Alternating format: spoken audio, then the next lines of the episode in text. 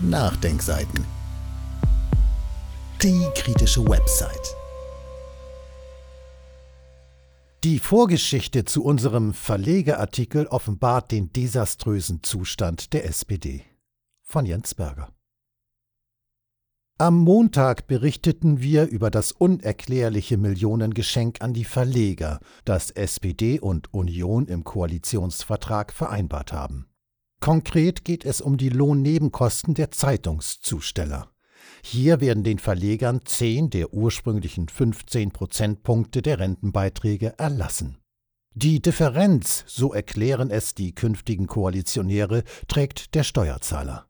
Da stellt sich natürlich die Frage, wie denn die Gegenleistung für dieses seltsame Millionengeschenk aussieht und der Verdacht, dass die Große Koalition sich eine gefällige Berichterstattung kauft, liegt förmlich auf der Hand. Vor allem für die SPD droht dieser Skandal nun zu einem echten Debakel zu werden, da es offenbar eine Vorgeschichte zu den Millionengeschenken gibt, die vor allem Martin Schulz in einem denkbar schlechten Licht dastehen lässt. So watschte Martin Schulz die Geschäftsführerin der Lübecker Nachrichten ab, titelte der Branchendienst Media am 1. September letzten Jahres.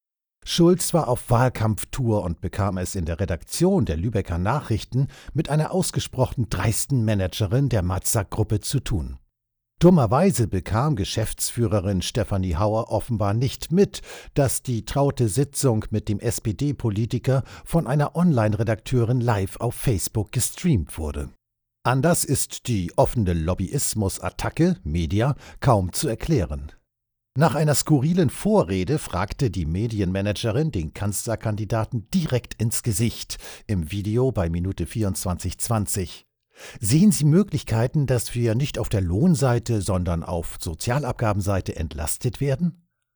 Schulz blieb jedoch hart und gab den überzeugten Sozialdemokraten, der zwar davon überzeugt ist, dass man den Verlagen helfen muss, aber er sei nicht in der Lage und auch nicht gewillt, Versprechungen bei den Sozialabgaben zu machen. Die paritätischen Systeme könnten nicht außer Kraft gesetzt werden wegen branchenspezifischer Probleme. Es tut mir leid, so Schulz, der offenbar als einziger im Raum an die laufende Kamera gedacht hat. Aber wenn man so denkt wie Sie, dann darf man halt nicht die SPD wählen. Das saß. 1 zu 0 für den Politiker, obgleich der unverschämte Lobbyangriff auch eine echte Steilvorlage war, die Frau Hauer übrigens später noch ihren Job kosten sollte. Interessant ist vor diesem Hintergrund vor allem, dass die SPD exakt die Forderung, die Stefanie Hauer im September ungeschickt vorgetragen hatte, in den aktuellen Koalitionsvertrag einbrachte. Und dass diese Forderung nicht von der CDU, sondern von der SPD kam, ist durch den Sternjournalisten Hans-Ulrich Jörges belegt. Martin Schulz hat also im September im Brustton der Überzeugung und unter Berufung auf die sozialdemokratischen Wurzeln der SPD genau die dreiste Lobbyforderung abgelehnt, die er und seine Parteifreunde nun in den Koalitionsvertrag eingebracht haben. Geht es auch noch unverschämter, liebe SPD?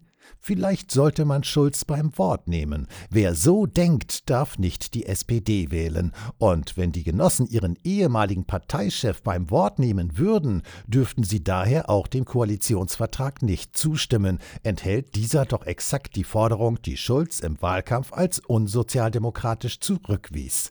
Das Projekt 5%-Hürde nimmt immer weiter an Fahrt auf. Dieses Audio konnte nur entstehen, weil zahlreiche Leser und Leserinnen die Nachdenkseiten fördern und durch Spenden unterstützen.